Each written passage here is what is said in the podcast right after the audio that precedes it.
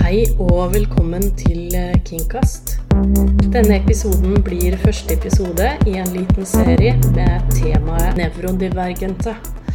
Og i dag er det meg, Hylje Henninger, som er dagens vert. Og om en liten stund så kommer det en nevrodivergent gjest. Så da er det to autister på Kingcast i dag. Og det syns jeg er ekstra stas fordi det er en viktig gruppe å løfte fram her på Kinkast og ellers. Fordi vi som er både skeiv og nevrodivergente, er en dobbelt minoritet. Vi er både en seksuell minoritet og en minoritet som funksjonsvariert. Så med andre ord så må vi håndtere dobbelt sett med utfordringer. Og dobbeltminoriteter de møter ofte på dobbeltdiskriminering. Og funksjonsvarierte er Norges største minoritet ifølge NHRI. Det anslås at mellom 15 og 20% av den norske befolkningen har én eller flere funksjonsnedsettelser. Og i media som bruker folk både funksjonsvariert, men også funksjonsnedsatt. Noen bruker også ordet funksjonshindret. Eh, og det kommer stadig nye ord for å beskrive det. Eh, men jeg er litt enig i det mange funksjonsvarierte sier, at nye ord det hjelper lite eller ingenting hvis ikke vi også kan få med oss en holdningsendring. Og jeg tar meg sjøl i å bruke ordet funksjonsvariert flere ganger, sjøl om jeg egentlig ikke liker ordet. Jeg kommer garantert til å bruke det i dag, og jeg beklager på forhånd. Eh, fordi noen er funksjonsvariert på den måten at funksjonsnivået varierer fra dag til dag eller fra time til time. Altså, alle mennesker har jo en eller annen grad av funksjon. Altså én funksjonsvariasjon. Og derfor blir ordet funksjonsvariasjon et dårlig ord å benytte. Hvis det handler om å f.eks. avgrense eller eh, trekke ut en minoritetsgruppe. Så min opplevelse nå er at majoriteten ikke har landa på et ord. Personlig så lever jeg med et usynlig handikap. Selv foretrekker jeg å kalle det handikap eller eh, funksjonsnedsatt. Og jeg kjenner flere med både synlige og skjulte handikap som mener at det er normene i samfunnet som er problemet, og ikke selve funksjonsnedsettelsen eller funksjonsvariasjonen, som noen liker å kalle det. Og når vi snakker om nevrotypikere, så snakker vi om nevrologisk typiske, eller forkortelsen NT. Eh, og enkelte autistiske personer bruker nevrotypikere som et ord for folk flest, i gåseøynene. Og ordet nevrodiversitet det handler om den variasjon av hjernens funksjon som vi ser utover en gruppe av mennesker. Og det kan være en arbeidsplass, en vennegruppe, eller en befolkning. Og nevrodiversitet, det inneholder altså både nevrotypiske og nevrodivergente personer.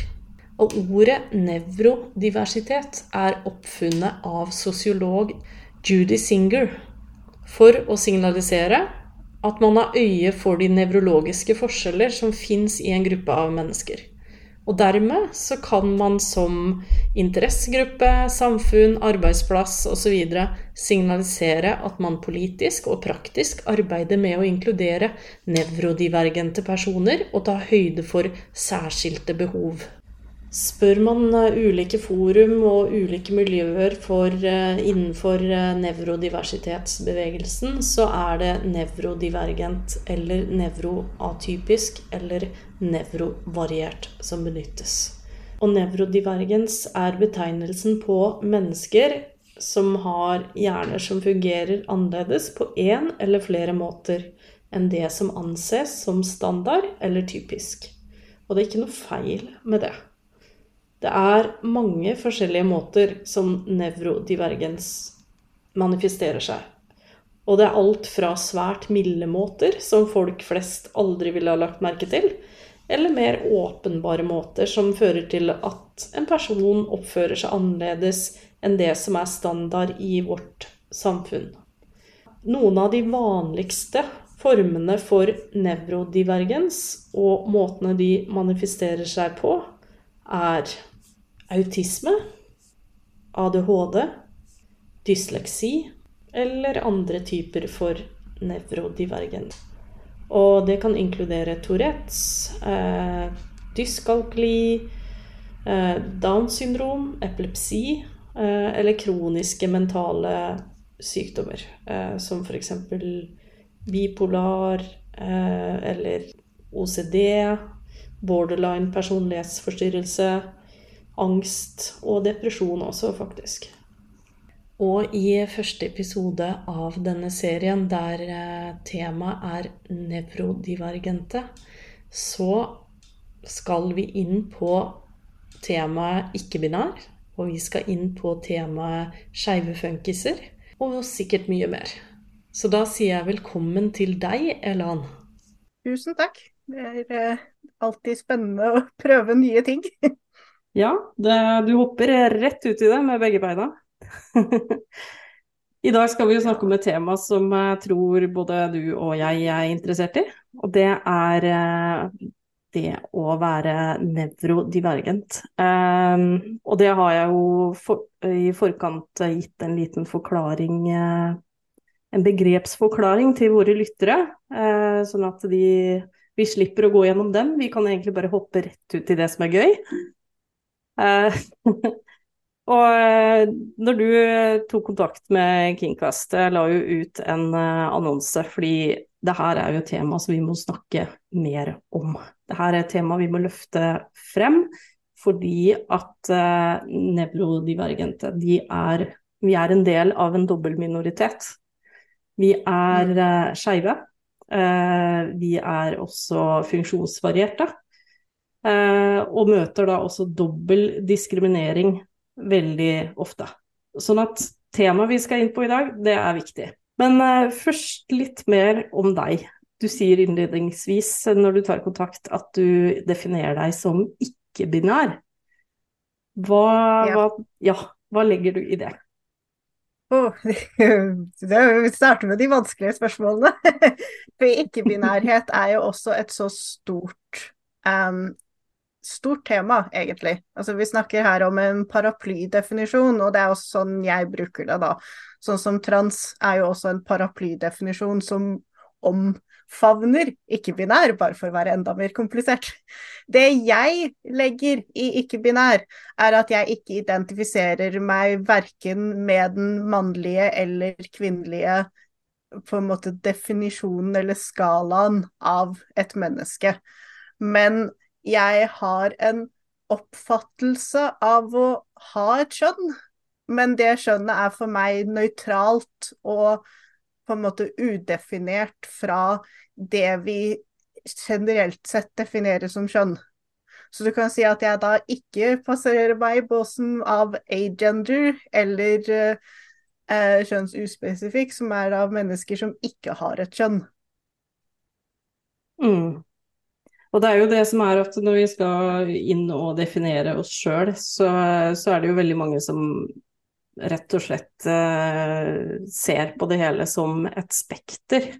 Eh, fordi mennesket er jo så mangfoldig, og vi har jo så mange ulike lerret å utfolde oss på, for å si det på den måten. Sånn at uh, det blir jo Ja, det er jo en helt jungel av forskjellige definisjoner. Eh, så det er alltid spennende når man skal bli kjent med et nytt menneske, eller bare snakke med et nytt menneske og finne ut ok, hvor på spekteret ligger du her? Fordi, eh, og det blir jo litt sånn når vi, sånn som eh, når man snakker om f.eks. autister, da. At uh, kjenner du en autist, så kjenner du en autist. Uh, og det gjelder jo kanskje også alle mennesker generelt, at kjenner du ett menneske, så kjenner du ett menneske fordi vi er så forskjellige. Så min definisjon av det å være ikke-binær, det, det, kan jo se totalt forskjellig ut fra hvordan du definerer det. Så det er derfor jeg starter innledningsvis og spør hvordan uh, det er for deg. Du kan si den, den uh, sammenligningen jeg liker best, er at kjønn er som en nattehimmel, hvor vi alle har en stjerne. Og noen av stjernene kan være gruppert sammen, og noen kan være mer spredd, og noen kan skinne litt sterkere enn andre, men vi har alle vår egen plass på nattehimmelen i et teppe av alle sammen. Ja, ganske fin, uh, fint bilde. Men du har også sittet i styret i Fri eh, Oslo, og så har du vært lokalpolitiker, og det virker som du har hatt ganske mange jern i ilden generelt. Og eh, så sitter du også nå i den nyoppstarta Landsforeningen for skeive funkiser. Og eh, nå snakker vi jo ikke om funkis som et sjargongnavn på arkitekturstilen funksjonalisme. vi snakker om noe helt annet. Men eh, det er jo kanskje ikke alle lyttere som veit hva skeive funkiser er. Hva er det egentlig? Det er et veldig kult navn, sånn først og fremst. Ja, nei, altså skeivhet er jo i seg selv et begrep som har blitt mer populært i det siste. Også fordi vi prøver å komme litt bort fra ordsalaten av LHBTIA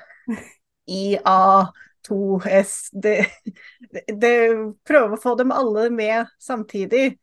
Så har med, det har vært mer og mer vanlig å bruke skeiv som et uttrykk for hele det skeive miljøet nå. Og det er litt det samme. Det har blitt mer og mer vanlig for funksjonshemmede, spesielt yngre funksjonshemmede, å bruke funkis som en sånn intern definisjon på seg selv som en som en gruppe. Som at uh, i stedet for at vi skal definere oss selv ut ifra hva andre har tillagt oss, og hva folk tilskriver oss å ikke ha, så, de, så de, har vi heller sort of funnet en måte å beskrive oss selv som vi er annerledes, men vi er oss selv, og vi er like viktige som det. Og det er funkiser.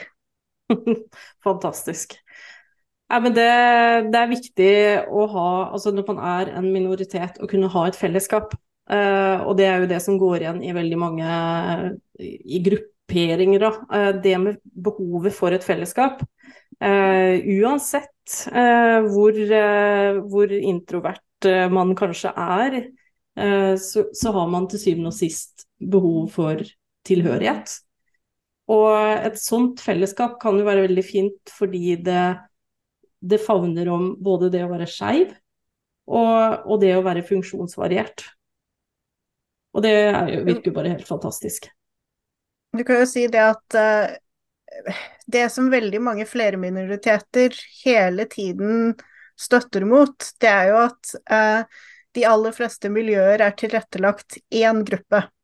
Og med en gang du favner mer enn én gruppe, så i stedet for at du får flere grupper å tilhøre, så faller du mellom gruppene og passer ikke helt inn i noen av dem. sånn at uh, funksjonshemmedes uh, rettighetsorganisasjoner er veldig lite tilrettelagt for skeive. Det er veldig lite snakk om uh, våre rettigheter, ting vi sliter med. Mens skeive organisasjoner i veldig, veldig lang tid har hatt et stort problem med tilrettelegging. Ja, og det, det, er faktisk noe jeg har uh, opplevd ved flere anledninger selv. Uh, hvor jeg har måttet ha tatt kontakt med, med pride-komité og arrangører av skeive arrangementer, fordi man gjerne legger et arrangement til kjelleren i uh, et lokale. ikke sant? Jeg har vært med på kink-arrangementer hvor rullestolbrukere må bæres ned. Eh, hvor det da oppleves som veldig uverdig, fordi de har lyst til å komme seg til lokalet av egen maskin. Eh, så det er absolutt gjenkjennbart. For det, det, er noe med den Det har jo blitt så populært det å snakke om den uniformelle utformingen, eller den eh, ja, Universell utforming. Un, takk, der var det. Universelle utformingen. Uh, og det er jo også noe man må ta inn, inn i pride, inn i uh, feiring av mangfold og Altså, det blir litt sånn selvmotsigende, tenker jeg da. Uh, det å ikke kunne ha, ha det tilrettelagt for alle. Så det er jo veldig ja. bra at det er noen som faktisk jobber for det skal jeg være litt forsiktig. Jeg sitter jo i Rådet for funksjonshemmede her i Oslo, så jeg skal være litt forsiktig med å komme med en utredning av den tekniske definisjonen av universell utforming. Men vi kan bare si tilrettelegging.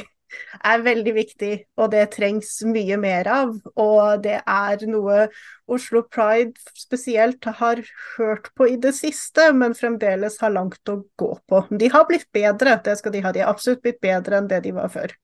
Jeg har jo etterlyst også til eh, bl.a. Eh, Trondheim Pride eh, treffsted eller møtesteder neste år under Trondheim Pride for eh, mennesker som er nevrodivergente. For det, det var rett og slett ingen tilbud. Eh, arrangementene som settes opp er ofte i eh, veldig sånn støyete lokaler. Det er masse musikk, det er mye som skjer, det er flashende lys. Det er sånn der sensory overload. Eh, arrangement. Eh, du går inn døra, og så bare Nei, eh, energien er borte. Takk for meg, ha det bra. Eh, og det var de veldig positive til. Så nå sier jeg det på podkasten bare for å legge litt sånn ekstra press på de. Bare sånn Det skal ordnes. Ja, det har jeg også mast på Oslo Pride og Fri i Oslo Viken på i flere år nå, om at jeg ønsker eh, mer stille arrangementer. For ikke bare når det kommer til neurodivergence, men det kommer også til eh, kronisk sykdom, hvor utmattelse er en, eh, et stort problem. Og mm. det blir mye verre når det er bråkete og mye lys og mye masse mennesker hele tiden. Og det vil jeg si da i å, fjor så Problemet er at covid har helt ødelagt tidsperspektivet mitt. Jeg tror det var i fjor.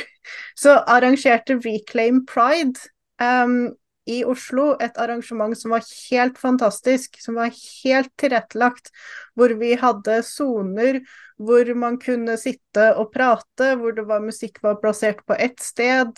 Og det var liksom lagt opp til at alle skulle kunne være der og kunne finne seg selv. Og det var tolker og alt mulig. Det var det første og egentlig eneste arrangementet jeg har vært på som føltes virkelig tilrettelagt og åpent for alle. Mm. Høres ut som en drøm.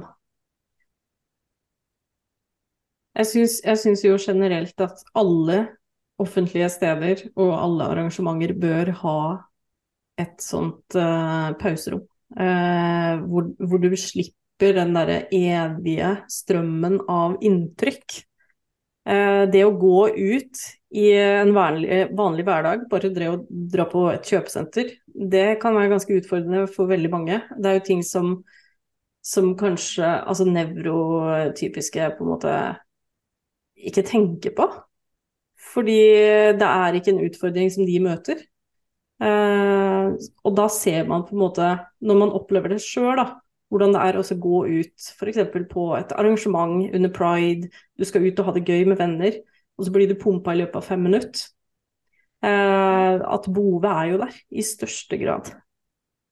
Ja, du kan si Det er noe av det Skeive funkiser uh, har arrangert og fortsetter å arrangere. Det er På Pride nå i sommer så var det et stillearena eh, på Oslo Pride. Det var faktisk sånn at da jeg kom til Pride-plassen, så gikk jeg rett dit, fordi altså, jeg var så ødelagt at jeg ville dra hjem igjen, for det var så mye bråk. Så uten det så hadde ikke jeg klart å være der i det hele tatt. Men det er samme plan da til neste år, at uh, på Oslo Pride så skal Skeive funkister stå for uh, stilleområdet med bl.a. Uh, lydtette høretelefoner og sitteplasser og vann og drikke, sånn at det er et sted å gå hvis du blir overveldet. Men du, du uh, skriver at du uh, identifiserer deg som autist, eller at du er autist. Uh, og hvordan, hvordan, opplever Hva er det som gjør at du tenker at du er autist?